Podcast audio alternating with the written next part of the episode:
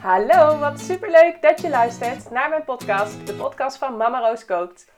In deze podcast neem ik je mee in de wereld van babyvoeding en leer jij hoe jij je peuter weer gezond laat eten. Zo weet jij hoe jij je kindje de beste start kan geven en kunnen jullie als gezin genieten van gezellige etentjes samen. Mijn persoonlijke verhalen als mama van drie meiden, maar ook mijn achtergrond in psychologie, voeding en onderwijs hoor je terug in de verhalen van deze podcast. Veel plezier met luisteren!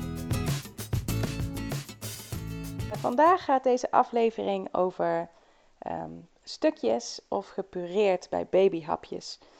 Um, ik krijg heel vaak die vraag als ik bijvoorbeeld webinars geef. Um, krijg ik heel vaak de vraag van mensen van wat vind je van de Repli-methode? of wat vind jij van stukjes geven? En ja, ik vind dat sowieso een, een heel mooi systeem, omdat je daarmee echt je kindje um, de autonomie geeft om uh, zelf te leren eten. En uh, dat werkt altijd heel goed. Hè? Dus dan heeft hij, krijgt, kan hij ook zelfvertrouwen ontwikkelen, omdat hij het echt het zelf mag doen. En hij ziet het jullie natuurlijk ook zelf doen. Hij observeert heel veel hoe anderen eten. En hij ziet anderen, bijvoorbeeld zijn grote broers of zussen of zijn ouders of um, anderen in zijn omgeving, ziet hij ook zelf eten. Dus ik vind het een heel mooi systeem dat een baby op die manier ook zelf kan leren eten. Um, maar uh, ik ben, er zijn ook mensen die puur alleen het op zo'n manier aanbieden. Dus puur alleen stukjes aanbieden. Nou, daar ben ik dan weer niet zo enthousiast over. Uh, nou, ik wil je even meenemen in, uh, in dat verhaal van um, wat zijn de voor- en nadelen en um, waarom ben ik eigenlijk voor een combinatie van beide. Dus een combinatie van gepureerd en stukjes aanbieden. Ik zit nou trouwens ook in die fase heel leuk. Uh, Sterre, of Rosa is bijna acht maanden. Um, en um, bij acht maanden ben ik nu dus ook echt een combinatie aan het doen. Dus ze krijgt van mij eigenlijk elke dag gepureerd hapje, maar ze krijgt ook elke dag stukjes uh, te proeven. Nou, daar zal ik zo meteen nog wat meer over vertellen. Maar vanaf uh, dat je babytje zes maanden is, um, heeft hij een grotere voedingsbehoefte dan alleen melk. Dus tot die zes maanden is op zich borstvoeding um, of uh, flesvoeding is gewoon genoeg voor je babytje om zich goed te ontwikkelen, om goed te groeien.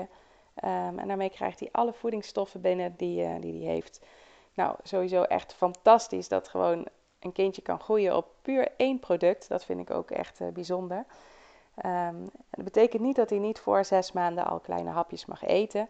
Maar tot zes maanden is, is gewoon wel uh, dus die melk het allerbelangrijkste. Dus dan zijn de oefenhapjes echt om te oefenen met smaak uh, en om te oefenen met structuur. Uh, om de kans op allergieën te verkleinen, maar niet voor de voedingswaarde, niet voor de voeding. Um, vanaf zes maanden is dat een ander verhaal. Want vanaf zes maanden heeft je babytje wel ook echt andere dingen nodig dan alleen uh, die melk. Dus bijvoorbeeld hij krijgt heel veel behoefte aan ijzer. Dus de ijzervoorraad van je babytje is op bij zes maanden. En die moet op een andere manier aangevuld worden. Um, en ja, een hele mooie methode daarvoor is natuurlijk gezond eten. Dus bijvoorbeeld in groene groenten zit veel ijzer. Um, sowieso in groenten, maar ook in volkorenproducten. Um, en in vlees zit ook ijzer. dus dat zijn uh, manieren om het uh, binnen te krijgen. Alleen als je je babytje vanaf zes maanden, wanneer die voedingsbehoefte er dus ineens is, alleen stukjes te eten geeft, um, dan heb je best een kans dat hij in, in die fase een tekort op gaat bouwen. Want een baby kan echt nog niet meteen goed stukjes eten. Rosa die is nu bijna acht maanden en die is dus daar al uh, flink mee aan het oefenen. Maar als ik haar een stukje broccoli geef bijvoorbeeld, ja, dan denk ik dat ze uiteindelijk um, van een stronkje dat ze heeft gekregen, dat ze misschien ja, drie kleine hapjes echt binnen heeft gekregen. Ze vindt het hartstikke leuk om te doen. Ze is ermee aan het spelen. Ze stopt het in de mond. Dus ze eet het wel. Maar echt binnenkrijgen, dat doet ze het nog niet. Want het komt toch vooral weer allemaal weer naar buiten. Um, alles zit ook onder. Dus mocht je met stukjes gaan experimenteren, wees erop voorbereid. Misschien heb je wel een slabbertje met lange mouwen.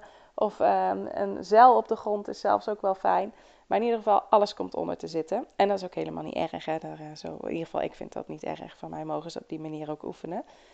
Um, maar ja, wat ik dus in ieder geval wil zeggen, is dat er dus niet zo heel veel binnenkomt.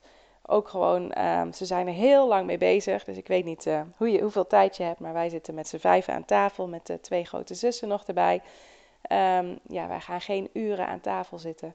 Als wij 20 minuten, uh, 25 minuten aan tafel hebben gezeten, een half uurtje lukt ook wel soms. Maar dan is het echt wel klaar. En in die tijd uh, heeft Rosa echt nog niet genoeg gegeten om daar echt op te kunnen teren en om daar genoeg voedingsbehoeften aan binnen te krijgen.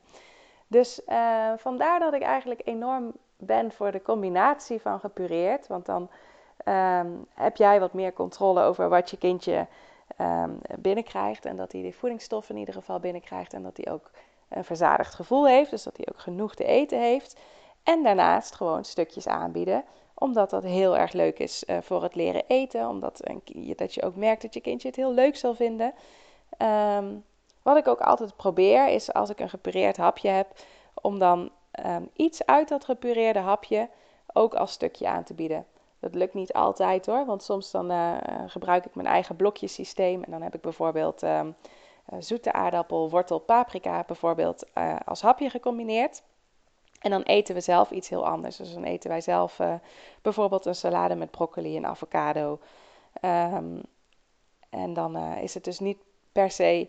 Ja, dan heb ik niet voor haar een stukje dus van wat ze uit dat hapje heeft. Dus dan krijgt ze bijvoorbeeld dan wel een stukje broccoli erbij als we dat uh, zelf aten. Of een stukje avocado.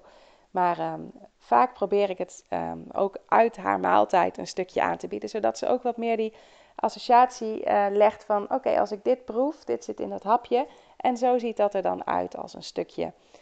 Um, ik probeer het ook altijd zoveel mogelijk overeen te laten komen met wat wij hebben. Dus um, wat Rolf en ik en Veren en Sterren uh, aan het eten zijn, zodat ze ziet dat, dat ze meedoet, dat het hetzelfde is. Um, dat is ook heel belangrijk hè, voor het observeren. En uh, dat, het schijnt ook dat als je vooral, dat is onderzoek gedaan dan bij moeders, maar ik denk dat dat met andere leden van het gezin ook is dat een kindje ook veel makkelijker voedingsmiddel accepteert op het moment dat hij het de moeder ook ziet eten en dat de moeder uh, het ook aan hem geeft.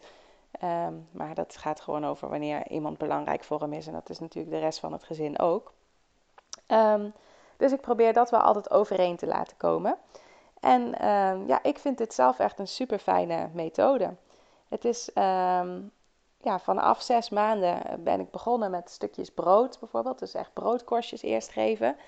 Um, en um, hele zachte stukjes groente en fruit.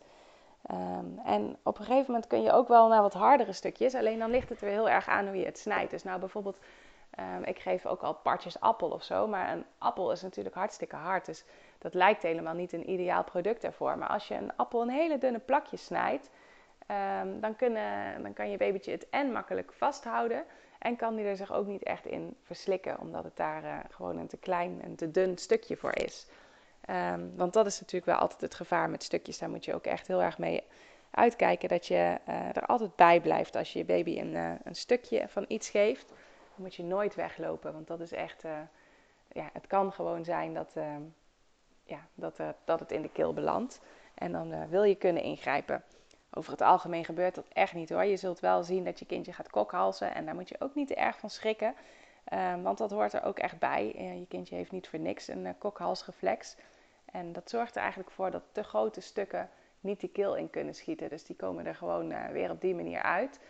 Um, en ja, ik schrok er in het begin wel best wel van. Maar ja, dat, dat is echt gewoon heel natuurlijk. En dat is juist, moet je daar heel blij mee zijn. Want op die manier dat kokhalsreflex zorgt er gewoon voor dat een kindje zich niet kan verslikken. Dus uh, ik ben heel dankbaar daarvoor dat dat er is.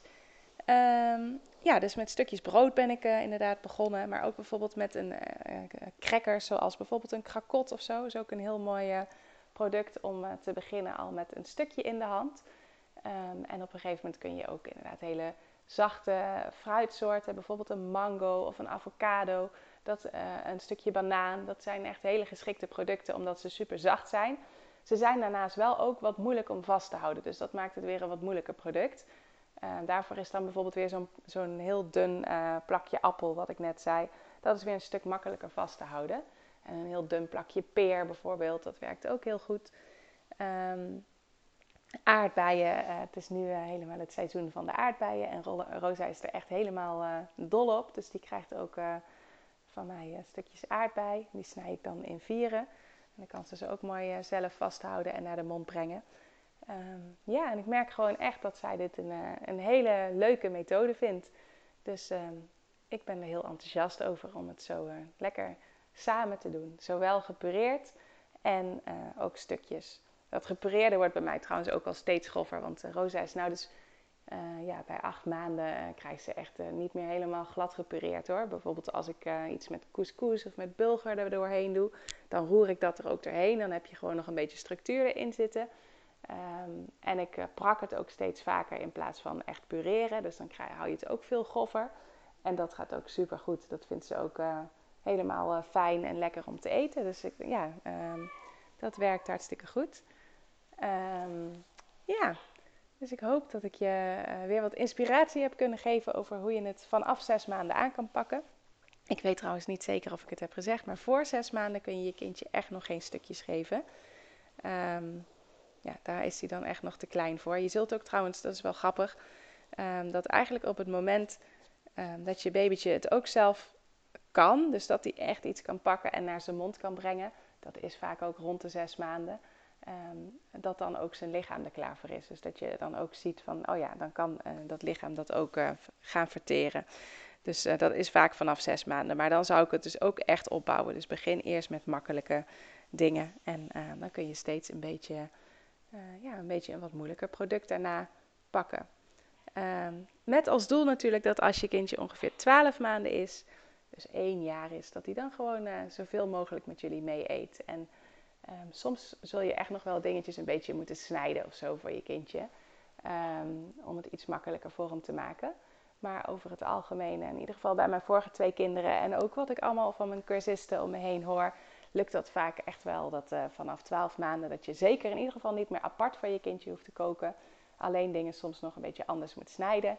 En dat je moet rekening houden met uh, de smaken die je toevoegt, zoals bijvoorbeeld zout dat, dat, uh, dat is echt nog niet geschikt voor een kindje van één, van één jaar. Maar verder uh, kan een kindje dan echt wel met de pot mee eten als die goed heeft geoefend in die fase daarvoor. Um, ik hoor inmiddels dat de babyfoon heb ik hier aanstaan, want Rosa die ligt lekker boven te slapen. Dus ik dacht, nou dan kan ik mooi even een podcast op gaan nemen. Maar ze is inmiddels wakker en ik heb ook mijn verhaal eigenlijk wel gedaan. Dus ik ga haar lekker uit bedje halen. En uh, nou, ik hoop dat jullie uh, weer vooruit kunnen met deze tips. En uh, dat jullie ook enthousiast worden door de combinatie van gepureerde hapjes, maar ook af en toe iets als een stukje aanbieden, zodat je babytje zelf kan oefenen met smaak. Dankjewel voor het luisteren en heel veel plezier met je baby leren eten. Doei doei!